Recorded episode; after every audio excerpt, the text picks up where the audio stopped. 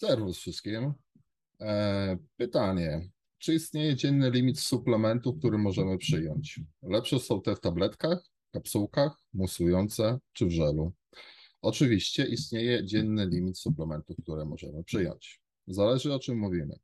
Pierwsza zasada toksykologii jest taka. Wszystko jest trucizną i nic nie jest. Efekt zależy od dawki. Jeśli sobie hmm, przedawkujemy witaminy z grupy B, mała to szkoda dla naszego organizmu, dość szybko zostają wydalone. Jeśli, poda, jeśli jest to podanie jednorazowe, e, dosyć szybko zostaną wydalone z moczem. Należy przestrzegać zapotrzebowania organizmu, nie norm, ponieważ normy WHO czyży, że w żaden sposób nie odnoszą się do sportowców, w żaden sposób nie odnoszą się do osób chorych, odnoszą się do osób zdrowych i często są niewystarczające również. E, także zawsze ta dieta i dobór suplementów powinien być spersonalizowany pod daną osobę, przez osobę biegłą, najlepiej interdyscyplinarną, która będzie ogarniała wszystko. E, więc tak, czy żywnością możemy się zatruć? Oczywiście. Jak chcemy, to utopimy się nawet w łyżce wody, prawda? Wlejemy sobie do jednej dziurki, pociągniemy drugą bezpośrednio do płuc, pękniemy i się utopimy. Tak samo będzie z suplementami, tak samo będzie z chlebem. Czy ktoś umarł z przejedzenia? Ostatnio nie, ale w średniowieczu bardzo często, kiedy był okres postu i później ludzie przyjadali, pękały im żołądki e, lub trzustka nie wyrabiała.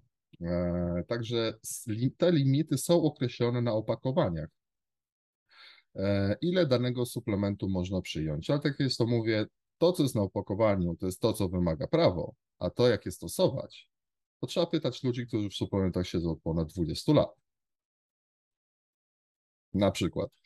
E, jeśli wam e, e, Główny Inspektorat Sanitarny mówi, że 3-4 gramy arginin to jest maksimum można przyjąć, a cała literatura światowa oscyluje wokół 8, 12, 14 gram arginin wśród na przykład wyczynowych sportowców, no to mamy sporo jeszcze tego zapasu, prawda?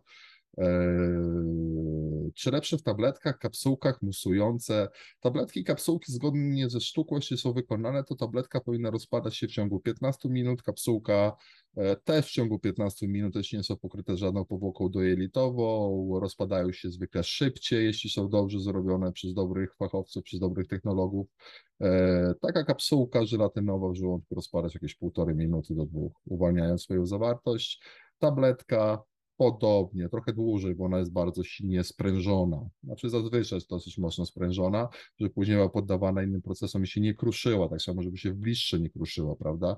Także e, to może się odrobinę dłużej wchłaniać, ale to nie ma większego znaczenia. Musujące no jest to roztwór, gotowy do wypicia, czyli to, co mamy w żołądku, nam się robi z tabletki albo z kapsułki, to my to już wlewamy, także mamy gotowe do przyjęcia, tak samo w żelu.